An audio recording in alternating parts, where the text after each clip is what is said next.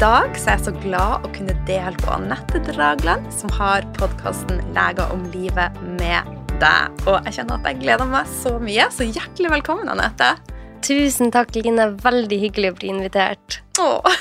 Aller først, hvordan starta du dagen din i dag? I dag så starta jeg dagen med at min minste på tre år, han Anton, kasta seg over meg, for vi sover fremdeles i samme seng, og jeg vet at det ikke er det, de rådene man skal gi til andre, men sånn har det blitt hos oss. Han kasta seg over meg og ville stå opp. Så sånn sto jeg opp i dag. Eh, og da gikk jeg ned og lagde frokost til han, så kommer han Olav etter hvert. Vi har en gutt på åtte. Så spiste vi frokost i lag, eller det vil si, jeg spiser ikke frokost. Jeg har eh, ikke spist frokost på Jo, jeg spiser av og til frokost, men i hverdagene syns jeg det er veldig deilig å slippe å spise frokost. Mm. Jeg er ikke et sånn naturlig eh, frokostmenneske. Så jeg laga de mat, og så spilte vi en runde Uno. Wow, så koselig. Vi elska å spille Uno.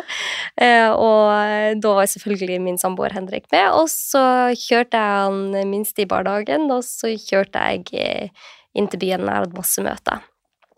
Men vi har, jeg og Henrik, vi deler litt på hvem som står opp med Anton. For at de dagene jeg ikke står opp med han, for han er jo et morgenmenneske, da starter jeg som regel dagen klokka syv, og så mediterer jeg.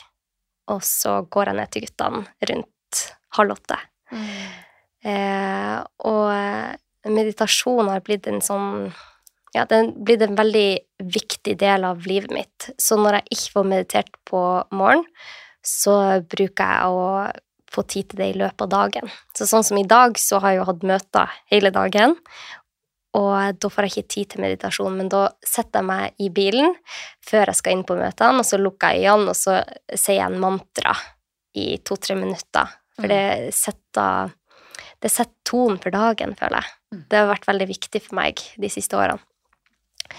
Og så har jeg jo hatt en, en dag med mye aktivitet i dag, men jeg har blitt mer og mer opptatt med årene med at jeg ikke skal få opp kortisol og adrenalin i blodet, altså stresshormonene våre. Mm. Så før hvert møte så puster jeg alltid. Gjør jeg pusteøvelser. Fire, syv, åtte-metoden. Jeg vet ikke om du har hørt om den. Puste inn på fire, holde pusten på syv, og så puster jeg ut på åtte. Og det gjør jeg i fire-fem minutter. Og det forteller jo kroppen min at selv om jeg har veldig mye å gjøre i dag, så er det ingenting som er farlig. Det livet er bra, det er ingenting som er farlig med å ha et, en hektisk hverdag. Mm. Og det har vært en sånn revolusjon i min hverdag. At jeg på en måte snakker til kroppen min sånn at den vet at den ikke er i fare. For at vi mennesker, vi er jo Vi har jo gener som er 100 000 år gamle. ikke sant? Vi er egentlig jegersamlere. Og hvis vi hadde hatt et så hektisk liv i den tida, for 100 000 år siden, så betyr det jo at det var noe fare på ferde. En ulv eller en bjørn? Eh, En tiger, ikke sant? ja. Vi skulle ikke alltid være on the go. Men eh, nå må vi jo leve i dette samfunnet, Mm. og da handler det om å fortelle seg selv at det er ikke stress. Dette er bra for oss. Vi har det gøy mens vi er Mm. på jobb og har mye å gjøre. For det går ikke an å komme unna stresset som er i hverdagen, men man kan håndtere det på en så mye bedre måte, og det har vært en stor forskjell i mitt liv, i hvert fall. Fantastisk. Da er vi så varme på innsida om at du er lege og prater på denne måten. helt, helt nydelig. Men du, um, du sier at du skipper frokost. Når er ditt eh, første måltid cirka da? Rundt klokka 11, 11-12. Ja. Og hva er en typisk start da på dagen? Veldig ofte så er det Jeg lager noen eh, havrerundstykker som jeg alltid har med meg overalt. Men hvis jeg er hjemme, så er det det. Olivenolje, noen egg, avokado, og så eh, gjerne en eh, tomat og en pasjonsfrukt til dessert. Ja. Det er sånn typisk frokost for meg. Jeg er opptatt av at jeg ikke får så altfor raske karbohydrater ved første måltid. For det viser at hvis man faster sånn som jeg gjør da, jeg faster rundt 14 timer, så hvis man starter første måltidet med masse karbohydrater, for eksempel en havregrynsgrøt, som vi vet er jo sunt for oss, Men hvis det ikke er noen fettkilder i, så vet jo du, Line, at da går jo blodsukkeret til værs. Mm. Og det er ikke så veldig bra for oss. Så alltid husk å ta med en fettkilde, pleier jeg å si i podkasten min, da. Så viktig. Ja. Ja. Vi har ganske lik eh, start på dagen, og jeg spiser også sånn typ 11-12 første måltid. Ja, Ja. hva du bruker å spise? Nei, det går eh, gjerne i egg og veldig ofte bokhvetebrød som er, som er syrna. Jeg- som jeg- som jeg kjøper på litt reklame her. Jeg er ikke sponsa fra Mølleren Sylvia. nei. Ja, så det er fantastisk. Der har de også eh, eh, syrna svart hvetebrød. Oi! Ja. Hvor hen er dette? Det er nederst i Hegdehusveien. Ok, spennende! Det skal jeg prøve. Ja, og der har de òg masse annet som er økologisk og av god kvalitet, sånn som jeg vet at vi begge liker det. Ja, for du har flytta til Oslo, Line. Det er jo en stor forskjell. Ja, det er helt fantastisk, og kan bare faktisk hive seg på sykkelen og sykle ned og møte deg. Tenk det. Ja, det er helt, helt nydelig. Har du bodd hele livet ditt i Bodø? Ehm, ja, stort sett. Ja. Eller ikke hele livet, men eh, nå er jo ikke denne podkasten om meg, så vi har ikke tid til å ta hele den historien. Jeg er så vant til å være den som er, har gjester. Plutselig tok hun føringa her, hun prøvde i hvert fall. Jeg syns det er veldig spennende å bli kjent med deg, Line. Det var veldig hyggelig, men jeg har faktisk lyst til å bli bedre kjent med deg. Så Ja. nå, Anette, skal du få lov å introdusere deg sjøl for lytterne. Fortell oss litt om din historie. Min historie Ja, jeg er jo um, Jeg flytta til Nord-Norge da jeg var fem. Bodde de første årene av livet mitt i USA. Og bodde i Nord-Norge til jeg var 16 år, og da dro jeg til utlandet igjen. Da dro jeg tilbake til USA et år. Og så husker jeg at når jeg bodde i USA, så var naboene mine der leger. Og hele livet hadde jeg sagt at jeg skulle bli lege. For jeg vokste opp med en far som er kiropraktor, og en mor som har vært eh, ganske alvorlig syk hele barndommen min. Hun har hatt en sånn destruktiv leddgikt. Eh, det er en leddgikt som virkelig går på leddene, og hun var, hadde mye smerter, hadde mye plager, var mye på sykehus. Og jeg skulle hele tida eh, Hele barndommen min så tenkte jeg på at jeg skulle bli lege, sånn at jeg kunne finne en kur for henne og for andre som har smerter. For alle som har hatt smerter, eller har bodd med noen som har smerter, vet hvor altoppslukende det blir. Eh, og så husker jeg bodde i USA og tenkte jeg, jeg hadde jo fremdeles planer om å bli lege, men så så jeg hvor vanvittig mye de jobba de to legene der. Så tenkte jeg, hvordan skal dette gå? Eh, men jeg flytta tilbake til Norge, studerte medisin, sånn som jeg hadde sett for meg hele livet. Og så, femte året på medisinstudiet, så tenkte jeg, herre min, er dette og Jeg studerte fem år, og det er så mange spørsmål jeg fremdeles har. Eh, og jeg selv hadde vært på en liten sånn reise med min egen helse. Jeg hadde stressa hele livet. Alltid vært sånn den som skulle gjøre alt riktig, den som skulle ta vare på alle rundt meg. Eh, alltid følt et sånt press om å prestere. Pink pike-syndrom, Ja som jeg også er leid av. Som eh, mange Mm. Lider av, ikke sant? Og så hadde jeg stått på masse antibiotikakurer for en urinveisinfeksjon, så tarmen min var helt på en snørr. Og femte året gikk på en skikkelig smell. Og jeg visste begrensningen av det jeg hadde lært på studiet. Vi lærer utrolig mye, jeg er veldig takknemlig for den bakgrunnen.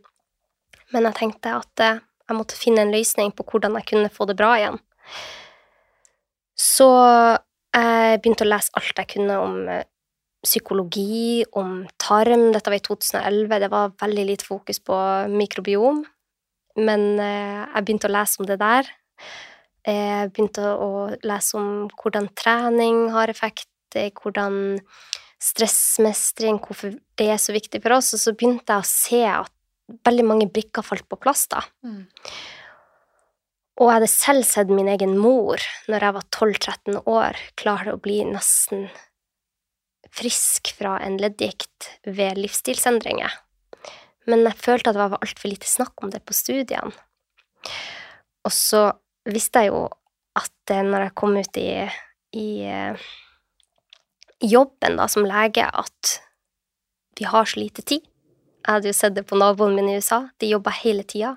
Og har, vi har pasienter hvert 20.-30. minutt, og vi får så lite tid. Men jeg gjorde så godt jeg kunne. I turnus prøvde jeg å gi disse verktøyene til pasientene mine. Jeg ble fastlege, jobba som fastlege i to år. Det var fantastisk. Bodde på hjemstedet mitt da, sammen med min samboer. Vi begge var fastleger på den tida. Og jeg så hvor friske pasientene mine ble. Det, det er så utrolig potente endringer, altså livsstilsendringer kan gjøre for helsa vår, mm. som ikke egentlig er så stor. Vi trenger ikke å springe et maraton eller spise uh, mat fra Himalaya-fjellene. eh, så jeg så at disse små livsstilsendringene hadde så mye å si for pasientene mine. Mm. Men så så jeg jo òg at jeg jobba meg i hjel og måtte ta vare på egen helse. Eh, så jeg syntes det var vanskelig å balansere det jeg skifta over til hud, begynte å um, spesialisere meg innenfor hud. Jeg er halvveis spesialist i hudlidelser nå. Eh, så vi flytta til Tromsø, og jeg tenkte ok, det, det, er litt mer snevert. Da trenger jeg kanskje ikke å bruke alle kvelder og alle helger på å ringe pasienter og holde kurs for dem og alt det. Men jeg så jo at det var like viktig innenfor hud. Livsstil, søvn, mat, stressmestring er like viktig der. Alt henger sammen. Mm. Eh, og jeg syns var kjempespennende på hud. Så vi flytta sørover. Min samboer er fra Snarøya. Vi flytta hit i, for tre år siden. Og da fikk vi han Anton. Og under permisjonen det året så tenkte jeg hva skal jeg gjøre med denne kunnskapen? For jeg har jo lest vanvittig mye bøker de siste ti årene, og jeg har sett hvor viktig denne kunnskapen er for andre òg, og så følte jeg den ikke var lett tilgjengelig for andre. Så jeg tenkte jeg skal skrive en bok. Eh, det hadde jeg jo tenkt på lenge. Eh, skal jeg begynne å skrive kronikker? Hva, hva skal jeg gjøre? Men jeg er jo ikke en person som liker å stikke meg ut. Og du ikke? Nei. Veldig lite komfortabel med det. Men så en dag så satte jeg meg ned med svigerinna mi som òg er lege, så snakka vi om dette med podkast, hvor fantastisk format det er, og så ble vi enige om at ja, vi starta en podkast. Så jeg takka nei til eh, videre stilling på Rikshospitalet, og så starta vi podkasten, og Ida var med meg første halvåret, som var fantastisk. For at jeg syntes det var kjempeskummelt, og hun hjalp så mye til. Hun så jo hvor mye jobb det er. Du vet jo hvor mye jobb det er med en podkast, så hun eh, ville satse videre på jobben sin, mens jeg gjorde det motsatt. Jeg gikk ned og ned i stilling, eh, og jobba halv, halv, stilling da på eh, en eh, helsestasjon på Fornebu.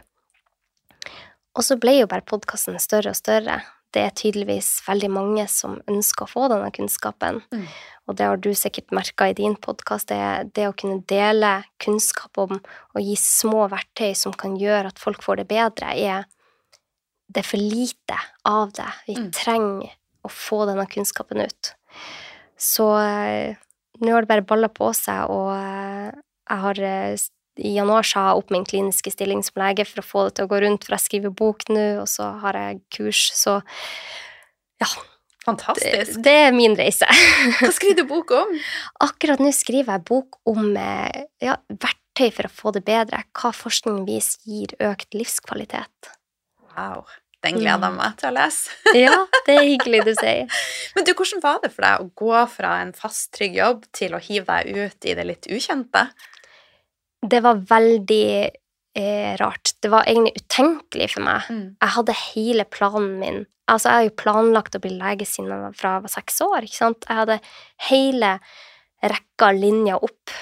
Jeg skulle bli hudlege, jeg skulle starte klinikk, jeg skulle hjelpe folk med tarmen så de blir bedre i huden. Jeg hadde he hele planen klar.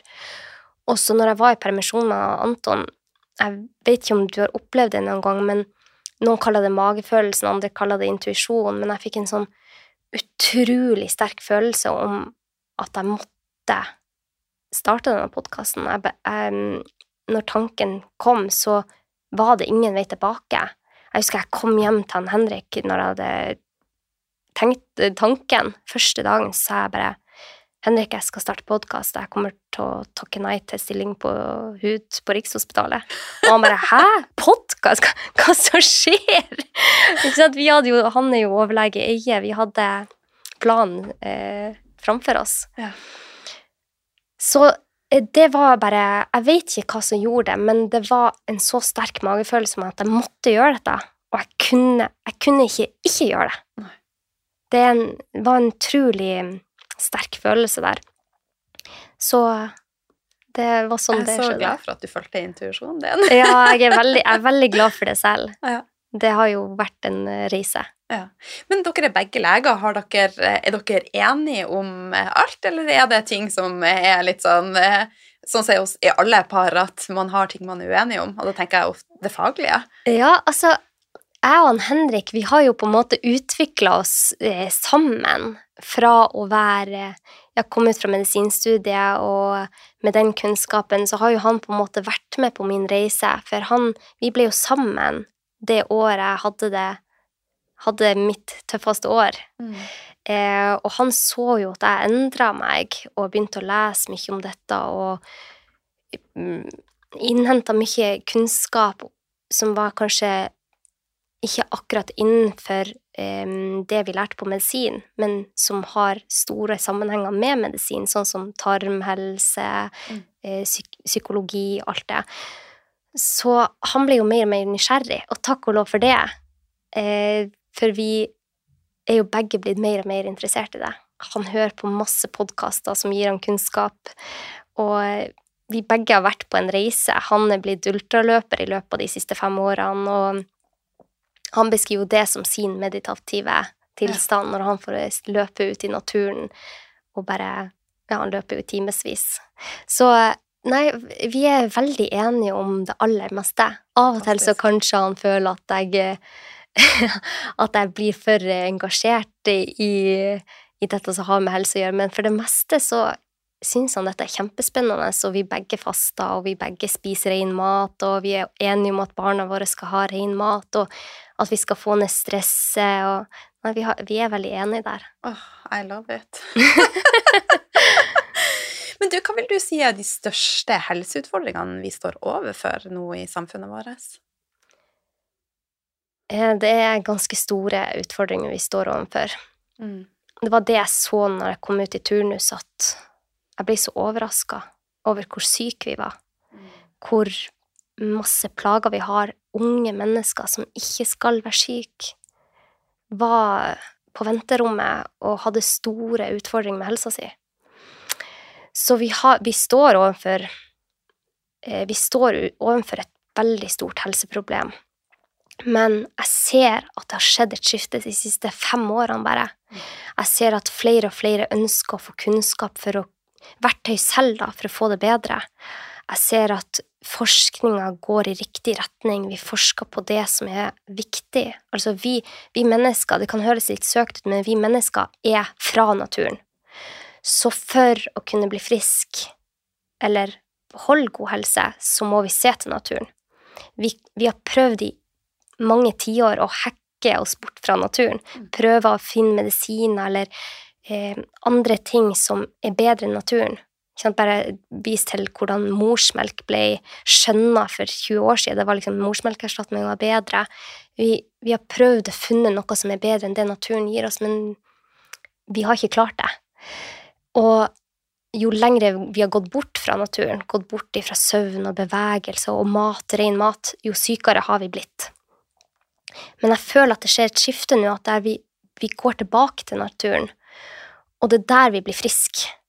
Og da snakker jeg ikke om at vi skal sette oss i skogen og tenne røkelse og synge kumbaya, men jeg, jeg snakker Kan vi ikke gjøre det òg? Jo da, Kumbaya, my lord. vi kan gjøre det, og absolutt. Hvis det gir deg glede, så gjør det for all del. Men det handler om å bare gjøre det naturen har gitt deg. Altså, søv. Mm. Spis mat fra naturen. Ta og Gå deg turer. Du trenger ikke å springe ultramaraton som min samboer gjør. Du kan bare gå deg 20 minutter, og så gir det deg så mye. Det handler om å puste med magen. Ta i bruk pusten som vi har fått fra naturen. Det handler om å prøve å finne røttene dine. Stå støtt på jorda der du blir født, Mm. og finne løsninger ut ifra det. Og så er jeg veldig opptatt av at vi alle er helt unik og forskjellig. Så det som fungerer for meg, vil ikke nødvendigvis fungere for deg. Derfor er det en Alle må ut på sin egen reise for å finne ut hva er det som gjør akkurat meg frisk, hva er det som gjør meg godt. Eh, så det snakker jeg mye med pasientene mine om. Fantastisk. Og jeg tenker vi er jo natur. Mm. Altså, vi, så det, du er spot on. Mm. Eh, men eh, så jeg kjenner også at vi er på vei mot noe nå. Det er noe som skjer, og det er så deilig. Mm. Etter, altså, jeg starta jo denne reisa i 2003. Eh, altså snart 20 år, så har jeg bare gradvis altså, nærma meg naturen mer og mer. Mm. Og det er jo så mange flere som er åpne for det i dag, og det Så jeg får gåsehud når du snakker om det. Ja. Men om du hadde hatt en uh, tryllestav og kunne endre noe, altså uansett, hva vil du ha endra da? Mitt store mål akkurat nå eh, med podkasten er å endre helsevesenet. Og eh, det er et stort mål, og heldigvis er jeg ikke alene i å prøve å gjøre det. Men eh, det jeg ønsker, er at legene skal få mer tid til pasientene. At vi leger skal få denne kunnskapen som er kommet de siste årene, lett tilgjengelig. Og at vi har muligheten til å se på flere faktorer når en pasient kommer inn. Så hvis du kommer inn til meg, Line, så er 20 minutter altfor lite. For at du kan ha hudutslett, du kan ha mageproblemer, hodepine, og så henviser jeg deg til en nevrolog for hodepinen, til hudlege for utslettet, altså en gastrolog for tarmproblemene dine, men kanskje alt stammer er fra det samme. Mm. Altså, vi må finne rotårsaken Mm. til dine plager. For at en diagnose forteller jo bare deg hvordan symptomer som passer innenfor den paraplyen av den diagnosen, men den forteller ingenting om årsaken. Og det er det vi er nødt til å vi, vi er nødt til å grave litt dypere, sånn at vi kan ta det. For da kan man gjøre at kanskje alle symptomene forsvinner, eller i hvert fall blir veldig mye bedre. Mm. Så hvis jeg kunne gjort et sånn trylleslag akkurat nå, så er det det at helsevesenet er så mer helhetlig på ting. Mm. Åh, love it. Hvilke faktorer vil du si er viktigst for ei god helse? Det er fem faktorer Mm. som er helt essensielt, som forskning viser helt essensielt for god helse. Og det første har vi vært inne på mat. Mat er helt essensielt for at vi skal ha god helse.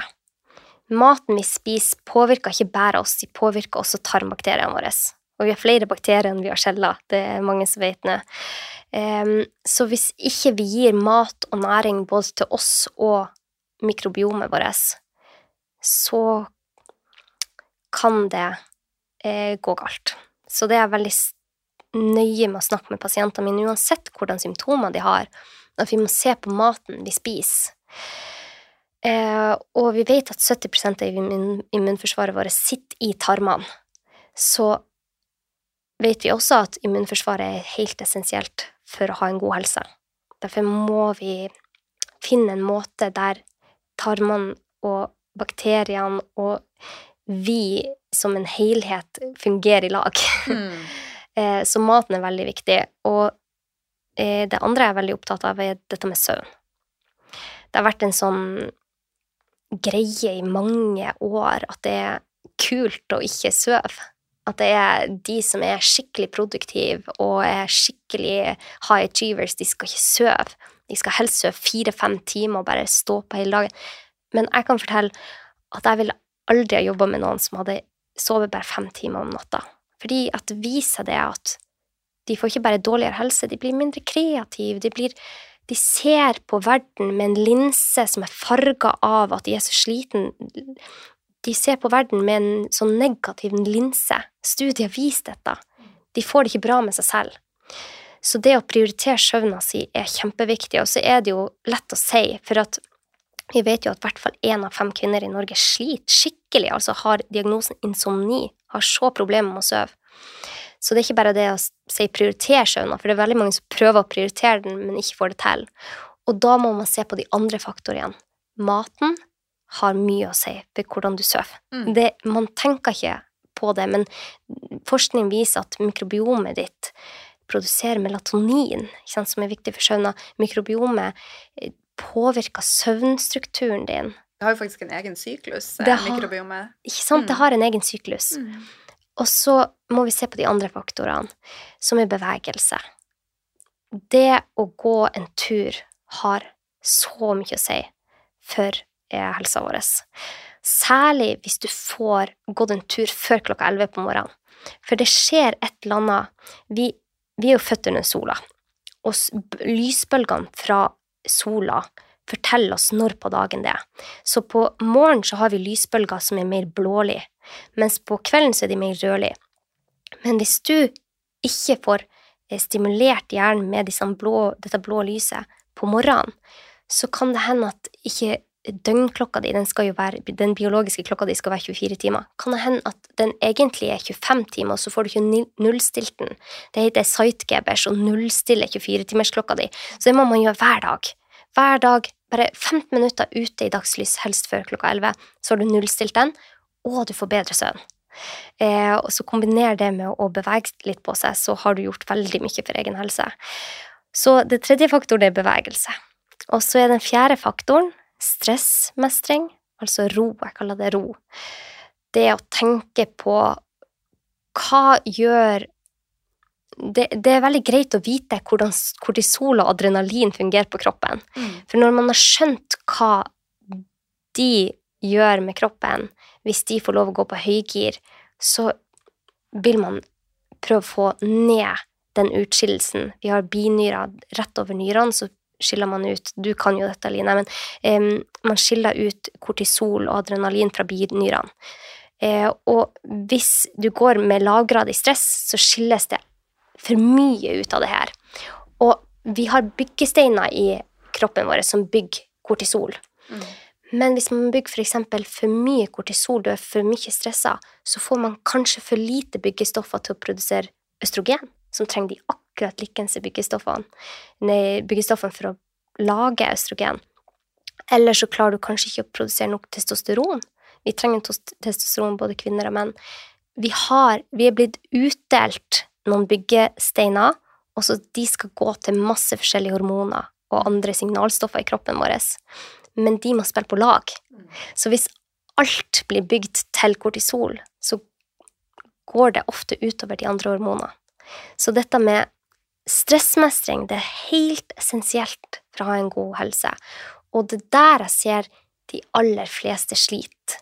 Inkludert meg selv i veldig mange år, så sleit jeg veldig med å få ned kortisolet i kroppen. For at jeg hadde ikke verktøy. Jeg prøvde å liksom tenke positivt, dette går bra, og det Men det fungerer ikke i lengden å tenke positivt. Du må faktisk fortelle kroppen din at du er trygg, at du har det bra, at det ikke er noe fare på ferde, sånn at det at du står i trafikkork på vei ut av byen fra jobb, jobb, nei, fra jobb til hjemme, at det ikke blir en sånn faktor der kroppen tror den er i fare. Sånne småting i hverdagen. Så hvis man får ned stresshormonet, nå var det veldig mye informasjon på eh, en og samme tid her, men da har du gjort enormt mye. Og den femte faktoren er relasjonene våre. Mm. Så jeg kan oppsummere, for nå tror jeg jeg snakka veldig mye om veldig mye veldig fort. Men vi har maten. Ha litt fokus på det. Du skal ikke være perfekt på noe vis. For perfeksjonisme fører til stress, og det skal vi ikke ha mye av. Bevegelse, søvn, mat, ro og relasjoner. De fem. Hvis man har litt fokus på de Jeg kjører på noe som heter Pareto-prinsippet. 20% innsats gir 80 resultater. Du trenger ikke å hige etter de siste 20. Gjør en 20% innsats, så har du gjort utrolig mye for egen helse. Mm. Og jeg vet ikke om du eh, har sett det, men enkelte personer som plutselig det går opp for at f.eks. mat har noe å si for helsa, kan bli for opptatt av det. At det blir for mye. At de ikke kan unne seg kaka eller eh, en brødskive med noe usunt på eh, av og til. Det, Jeg har vært der. ja, og de fleste har vært der. Mm. Jeg har òg hatt perioder der det er blitt for mye fokus på en av disse områdene. Og det går, gjør at det går utover de andre fire faktorene. Mm. For det handler om å ha litt fokus på alle fem. sånn at du får en sånn buffer. Du gir kroppen rett og slett en buffer som gjør at når du en dag har sovet dårlig, og du ikke får til å spise sunt den dagen, så tar de andre tre og på en måte gir deg en god buffer, så det, du tåler det helt fint. Mm. For kroppen vår er laga for å tåle å ikke leve perfekt. Vi skal ikke sove åtte timer hver natt. Det var helt unaturlig før i tida, og av og til så var det sånn at man måtte reise og gå langt for å nå et sted med mat. Det var av og til perioder der det eneste du fikk tak i av mat, var en spesiell type nøtter, var altfor enfoldig. Men det tåler kroppen din. Jeg er opptatt av å gi, fortelle pasientene mine at kroppen din er utrolig robust så lenge du gir den litt av det den trenger, Mm. og ha litt fokus på de fem faktorene. Mm. Hvor mange timer søvn er det du sover sjøl, da? Altså, altså, hva anbefaler du? Jeg er jo veldig opptatt av å gi meg selv god søvn, men jeg er også opptatt av at hvis jeg har hatt en dårlig natt Jeg går jo rundt med en sånn aura-ring. Ja. Det er en sånn ring som tracker søvna mi. Jeg synes det er kjempeartig. Men hvis det er en natt jeg vet at jeg sover dårlig, så sjekker jeg ikke den før på kvelden hvor lite jeg sover. Fordi at det hjelper meg ikke å gå rundt og vite at jeg bare sover fire timer en natt, og så vet jeg alle virkningen, av- bivirkningen av det. Så jeg prøver å gi meg selv mellom syv og ni timer søvn. Helst trenger jeg mellom åtte og ni timer for å fungere optimalt. Dette er jo forskjellig fra person til person, og så ser man at ganske mange kvinner trenger mer, altså åtte, åtte og en halv. Mm, også særlig Det kommer også an på syklusen. Mm. Det er jo blitt veldig mye mer opptatt av de siste tre-fire årene, dette med syklus. Hva trenger man når i syklusen? Og det er jo forskjellig. Mm. Blodsukkeret vårt svinger under syklusen, humøret, energinivået. Mm. Vi trenger forskjellige ting forskjellige steder i syklusen, og det vet jeg at du har snakka mye om, Line, og det er veldig Mm. artig at du har hatt fokus på, for det er kjempeviktig. Altså, alt henger jo sammen. Mm. Eh, Kanskje jeg må få meg en sånn eh, Nina Willumsen, som har gjesta podkasten, hun bruker også sånn Åra-ring. Så kanskje jeg må Det er det heter, Åra. Ja. Ja. Det er så eh, Er det et verktøy som har gitt meg mye, så er den den. For den viser meg også For eksempel har den vist meg at når jeg spiser klokka ti på kvelden rett før jeg skal sovne, Ja. så har jeg høy hvilepuls i fire timer etterpå. Oi. Så jeg slutta å spise i titida. Nå spiser jeg i syvtida. For at jeg ser at jeg får dypere søvn. Det, det er så mye spennende. Og så viser den òg at jeg har eh, Det er noe som heter HRV. Ikke sant? Det forteller litt om hvor, eh, hvor stressa du er, hvor ja, Om du er i det parasympatiske nervesystemet, i den der bremsen, at du har ro. Den forteller eh, for eksempel at under menstruasjon så har jeg lavere HRV. Jeg tåler mindre stress enn akkurat rundt eggløsning. Mm. Da tåler jeg mye mer stress, har mer energi. Det er, det er utrolig fascinerende, og det som er så artig, er at det er håndfast. Den gir deg tall. Hvordan tall er du på i dag i HRV-status, og det forteller deg litt om hvordan, hvor mye du tåler av stress den dagen. Så kult. Ja, det er kjempeartig. Og da henter du informasjonen ut fra en data, eller? Det er fra en app. Wow. Ja, det, det, dette er framtida, Line. Men jeg elsker jo å spise på kvelden, så da må jeg jo slutte med det. Ja, men det kommer an på. Vi er veldig forskjellige der. Det handler om din biologiske klokke òg, ikke sant? Så det, Mm. det er det den forteller deg, da. Kanskje ikke det påvirker søvna din. kanskje jeg må få meg en sånn og sjekke ut. ja. Ja, men i forhold til mat, da. Hvis du skal bare gi noen helt enkle guidelines, eh, hva vil dine tips til et godt kosthold være? Det er Jeg er veldig opptatt av å gjøre ting enkelt. Fordi at gir man stress rundt mat, så vil de gode virkningene av at man spiser sunt, kanskje ikke få helt uttelling begrunna at du er så stressa. Mm. Eh, Men jeg er opptatt av at man spiser det som gjør deg glad, og de færreste blir glad av å spise sjokoladen, sjokolade en hel dag. Det, det kan føles veldig bra der og da, men når man ser på hva som gjør deg bra på lang sikt, så vet vi alle, vi kjenner det, hva som gjør oss glad, og da er det å spise ren mat. Og det finnes ikke et perfekt kosthold, og det finnes ikke ett kosthold som passer akkurat for deg, og et som passer akkurat for meg. Vi er forskjellige der, og vi er Tarmfloraen vår påvirker nok i stor grad hva vi skal spise. Så kanskje jeg kan spise hvitløk og løk, og det er kjempebra for meg, men kanskje en pasient av meg ikke bør spise det, for det er ikke bra for dem. Så det er egentlig litt Man må egentlig finne ut av det selv, men det å spise ren mat er det viktigste her. Mm. Og så får man gå ut ifra det hva som gjør at du får god energi, og hva som gjør at uh, du går på do som ei klokka hver dag, som gjør at du har en normal eh, tarmfunksjon. Eh, Så enkle tips er å starte morgenen med Hvis du spiser frokost eller begynner til lunsj, start alltid med noe eh, fett og proteiner i kosten, sånn at ikke du får så høy blodsukkerstigning. Så hvis du spiser havregrynsgrøt, som jeg gjør veldig ofte, så tar jeg ofte i olja Mm. og en smørklatt. Eggeplomme kan man ha. Eggeplomme, det, det er fantastisk.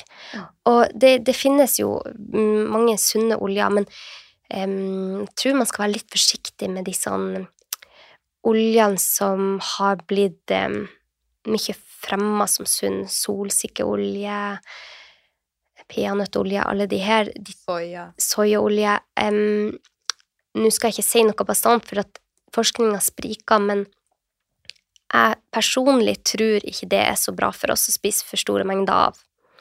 Så Jeg støtter personlig Ja. det. ja.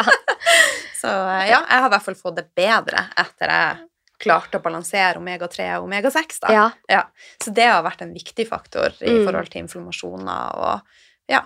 Og, eh, så det viktigste er jo å teste ut hva funker over tid på, på hver enkelt, og for meg har det vært gull. Og du sier noe kjempeviktig der. Det å ha fokus på å få i seg nok omega-3. Mm. Det er så viktig for helsa vår. Mm. Og så er det det at for eksempel jeg, min mor er kokk. Jeg har aldri likt å lage mat. jeg syns ikke det er gøy å være på kjøkkenet. Jeg har aldri likt Jeg kommer sannsynligvis aldri til å elske å lage mat, men jeg har fått det inn rutiner nå som gjør at jeg gidder å gjøre det. Ofte så tar jeg med meg en av gutta når vi lager middag. Det syns jeg er gøyere, de syns det er gøy, og eh, vi får til å smake på nye ting sammen og sånn. Jeg prøver å lage enkel mat, så en enkel middag for oss er ikke glad i oppvask heller. Så veldig ofte så har, skjærer jeg opp masse rotgrønnsaker, gulrot, pastinakke, rødbeter, søtpotet eksempel. Drysser over masse olivenolje og masse krydder. For vi har ikke snakket om fiber, men fiber er så viktig for tarmbakteriene våre. Så få i fiberkilder fra ulike kilder Mm. er kjempebra for oss. Tar jeg masse krydder på, tar det i ovnen, lar det stå der i 40 minutter, tar det ut, hiv på for eksempel eh, en eller annen proteinkilde som en, man kan bruke torsk oppå der, eller lammekjøtt. Hvis du ikke spiser kjøtt, så kan man ta oppi, oppå masse kikerter og um, andre bønner. Linse bruker jeg mye. Det er veldig mange som bare en sånn digresjon, men det er mange som sliter litt med de sånn store bønnene. Hvite bønner, brune bønner. De største bønnene har jeg sett at flest, mulig, flest sliter med. Så linse tåler flere. Flere tåler kikerter. Bare sånn Mm. at man tenker på det. Mm. Og, ja, og det er en enkel middag. Og så koker vi noe brokkoli til. Vi har veldig mye brokkoli, for brokkoli er så utrolig bra for oss, og så er det så enkelt å lage. Men det er en enkel middag. Det trenger ikke være fancy. Vi gidder ikke å ha saus på. Vi, altså, alt som gjør at jeg sparer tid på kjøkkenet, bruker jeg. Men jeg er opptatt av at det er ren mat. Mm. Hørtes godt ut. Og brokkoli er min favoritt. Og både brokkoli og blomkål er jo veldig nøytralt. Det er lite Ja. antinæringsstoffer, også hvis du har noe eh, allergier og sånn, da. Så, Ja, så det er sant. jeg elsker det. Og det er veldig mye enklere å få eh, barn til å spise det når de har fått vært med å skjære opp og pelle av brokkolibitene og legge det i en ildfast form, for eksempel. Så det er et godt tips. Og brokkoli er så nøytralt at mange barn liker det. Mm. En ting som jeg bruker å gjøre med både blomkål og brokkoli, er å bare legge det på, eh, på et stekebrett og ha olivenolje, sånn som du med de andre grønnsakene, Ja. og lage det crispy. Og så Ja. kanskje ha noe rundt det som gjør at de en eller annen arrowroot eller et eller annet Det hørtes litt eh, Kanskje ikke du vet Eller du som hører på, vet hva arrowroot er, men eh, det kan jeg fortelle en annen gang. ja. Så det er så mye man kan gjøre. Det Det handler om er å bare se muligheter. Det er bare fint. Og så er det å finne For at jeg kan se at det er kjempevanskelig å gå fra et standard norsk eh, kosthold, som inneholder veldig mye ultraprosessert mat, til å gå til et rent kosthold. Det er, det er slitsomt, og det kan være tungt, så jeg anerkjenner alltid det overfor pasientene mine, og siden jeg selv har gått den reisen der, så vet jeg hvor tøft det kan være. Men det å finne de der enkle oppskriftene, Mm. ikke gjør det fancy, og så finn én kokebok. Hanne Lenes vegetar hun har masse bra oppskrifter som er med masse forskjellige grønnsaker og enkel. Mm. Sånn at du ikke gjør det vanskelig for deg selv. For hvis man gjør det for komplisert, så klarer man ikke følge det opp. Jeg er så enig. Og så kan man jo selv om man spiser kjøtt, kjøpe denne boka, og så kan man bare ha proteiner som man ønsker på sida. Mm, nettopp. Så det Ja.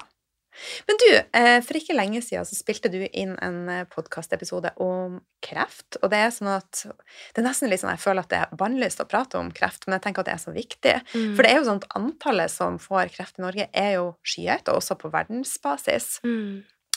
Så eh, jeg savna nysgjerrighet, og jeg savna å se litt mer på bak. Hva er det egentlig som skjer? Eh, og at vi ser på en større sammenheng. Så vil du dele litt om dine tanker og det som dere snakker om i denne podkasten? Ja.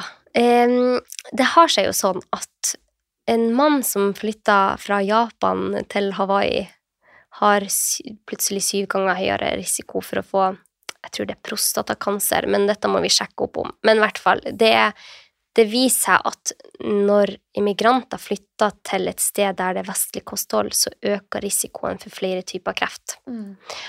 Og da må man begynne å se på hva er det som gjør det. Er det miljøfaktorene? Er det maten man spiser? Er det lufta? Er det stresset? Hva er det som gjør det?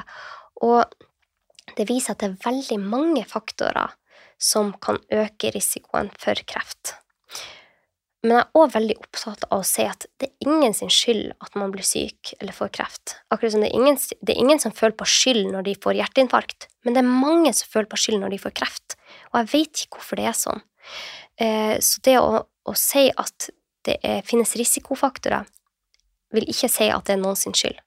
Men når det er sagt, så er det vis forskning nå, mer og mer, at det er flere tiltak som man kanskje kan gjøre for å unngå å få kreft, eller når man står under en kreftbehandling, kanskje tåler behandlinga bedre. Kanskje det kan til og med bidra til at man blir frisk. Eh, Men det, det er et vanskelig tema, Line. Det er et veldig vanskelig tema. Så jeg snakka med han Øyvind Torp. Han har en bok som heter Selvforsvar mot kreft, der han viste forskning som livsstilstiltak da man kan gjøre for å forebygge kreft, og hva man kan gjøre hvis man har fått kreft. Og um, det er akkurat som veldig, veldig mange av de andre sykdommene vi får. Det er mange faktorer som spiller inn på ulike sykdommer, og da må vi se på flere faktorer for å bli frisk. Mm. Så i helsevesen bruker vi begrepet det multifaktorielt. Hjerteinfarkt er multifaktorielt. Og da savner jeg det at hvis det er multifaktorielt, altså mange faktorer, hvorfor ser vi ikke på mange faktorer for å bli bra igjen? Hvorfor, Så viktig. ja, hvorfor, ser vi, hvorfor får de en tablett i handa, og så kanskje beskjed om å spise mindre fett? Da, det er ikke å se på mange faktorer. Vi må se på flere faktorer som kanskje har ført til denne lidelsen. Og det er jo, da går man kanskje litt inn på dette med inflammasjon. Eh, Det å gå med lavgradig betennelse i kroppen har nå vist seg kan øke risikoen for å få veldig mange forskjellige sykdommer, ikke bare kreft. Vi vet at for eksempel barneastma har økt med 600% de siste Jeg husker ikke om det er de siste 30 årene, men Det er ganske høye tall. lidelser i ung alder øker. Mm. Og det gjør meg veldig bekymra. Mm. Og antallet autoimmune sykdommer har jo eksplodert. Ja. Og hva er grunnen? Mm. Sånn. Vi, vi får en diagnose, la oss si at man får en diagnose på en autoimmun lidelse. Det forteller ingenting om årsaken. Så det å se på inflammasjon er kjempeviktig, og det snakka vi jo litt om, jeg og Nøyvind, da, at det er mange faktorer livsstilsendringer man kan gjøre for å få ned betennelse i kroppen. Og de fem faktorene jeg nettopp nevnte, med mat, søvn, bevegelse, ro og relasjoner, vil alle kunne bidra til at du får ned Summen av stress. summen av stress og summen av betennelse. Ja.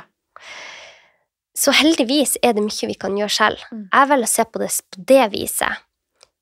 Uh, Jeg ser an pasientene mine, men de pasientene mine som er åpne for at de selv kan gjøre noe, jeg ser hvor friske de kan bli. Mm. Det er helt utrolig.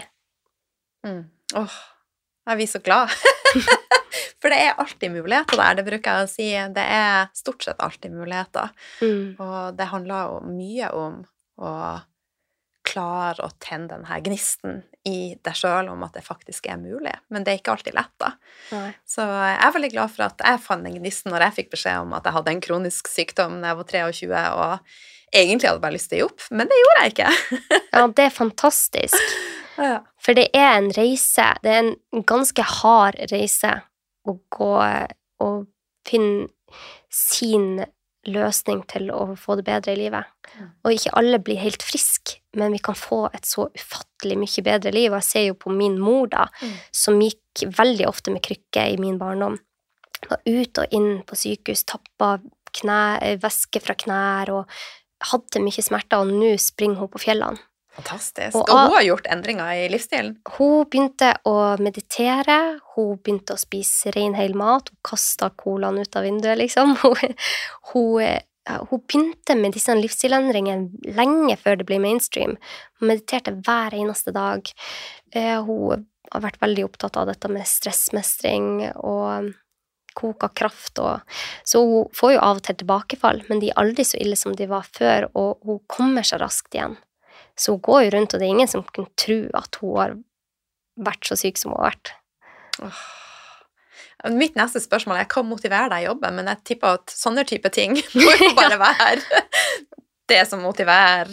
Eh, Har du andre ting som bare gjør at dette gjør at det er drømmejobben din? Ja, jeg syns at det er utrolig givende å se at folk får det bedre. Mm. Både pasienter som får verktøy, for det er jo ikke jeg som gjør jobben. Jeg gjør jo den lette jobben med å fortelle og gi verktøyene, men det er de som skal ta det i bruk. Det er de som gjør den tøffe jobben. Men å se hvordan mennesker har sånne Jeg har enkelte pasienter som jeg tenker på av og til og sender gode tanker til. Jeg hadde en ung mann som var alvorlig deprimert og vært inn og ut av helsevesenet i mange, mange år. Og så kom han tilfeldigvis på min liste når jeg begynte som fastlege. Og vi sammen da eh, gjorde mange livsstilsendringer. Han begynte, han har alltid vært glad i å trene. Begynte å bevege seg litt. Begynte å spise rent. Eh, begynte å meditere. Jeg ga han apper til meditasjon. Han begynte faktisk å meditere, og jeg husker etter ett år så kom han tilbake. Jeg hadde jo sett han ofte og så hvor frisk han ble, men etter ett år så kom han tilbake til meg og så sa han Anette, koker du ikke din egen kraft? du må koke kraft! Han har liksom blitt mer opptatt av det enn meg, og han var jo blitt helt frisk. Wow! Altså en mann som var helt på randen av uføretrygda i en alder av 20 år og var, hadde mange diagnoser, gikk ut i arbeidslivet og var helt frisk. Det er sånn, det er sånn helt vanvittig at det går an, men jeg ser jo at det skjer jeg, det igjen og igjen. Jeg hører om så mange historier, og jeg har sett det med egne øyne, så det motiverer meg. Eh, Jeg kunne jo ha jobba som hudlege og hadde et ganske komfortabelt liv, og så har jeg jo valgt en annen vei som er mer utfordrende. Det er ikke like god lønn, eh, men det gir meg så utrolig mye at jeg kan nå ut med denne kunnskapen, og at jeg møter så masse spennende mennesker, sånn som deg. Det, det er så mange som sammen prøver å dra oss i riktig retning, Mm. og um, ja, det er bare kjempespennende å se hva, hvor vi er om fem år. Vi er veldig takknemlige for at du valgte å gå den litt mer bumpy road. Så vi skal begynne å runde av, men jeg har lyst til å vite før vi avslutter, hva gjør deg skikkelig glad? Åh, det som gjør meg skikkelig glad, er å sitte rundt middagsbordet og spille Uno med guttene mine. Da er jeg mest lykkelig, altså. Eh, og så må jeg si at eh, meditasjon har heva livskvaliteten min. Mm. Jeg er roligere, jeg har det bedre, jeg klarer å følge magefølelsen min lettere, som gjør at jeg får det bedre i hverdagen. Så de to tingene. Åh. Helt på tampen, er det noe du vil legge til som jeg har glemt å, å vært innom? Jeg tror vi har vært innom veldig mye, Line. Jeg tror jeg snakka hold i hodet på deg. Eh, det har du virkelig ikke. Jeg kunne holdt på Er du uendelig? Ja. Men jeg tror at hvis det vil være noe jeg ønsker å få ut, så er det det at ta ting i ditt eget tempo. Mm. For at vi er forskjellige steder i livet, og vi må ikke sammenligne oss med de som er rundt oss.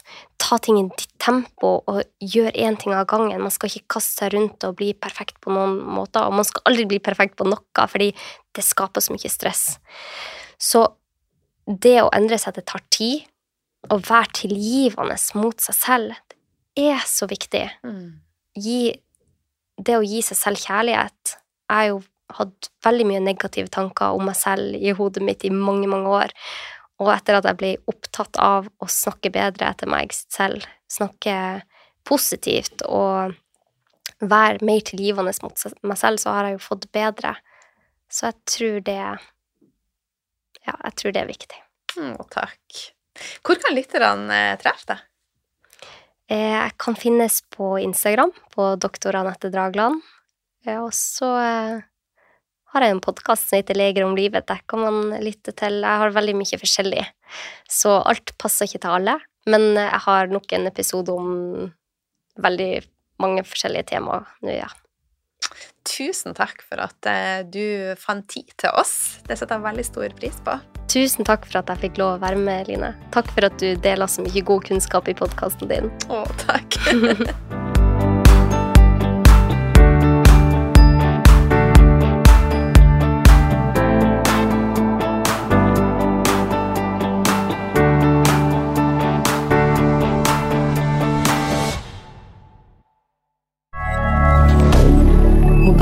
rien.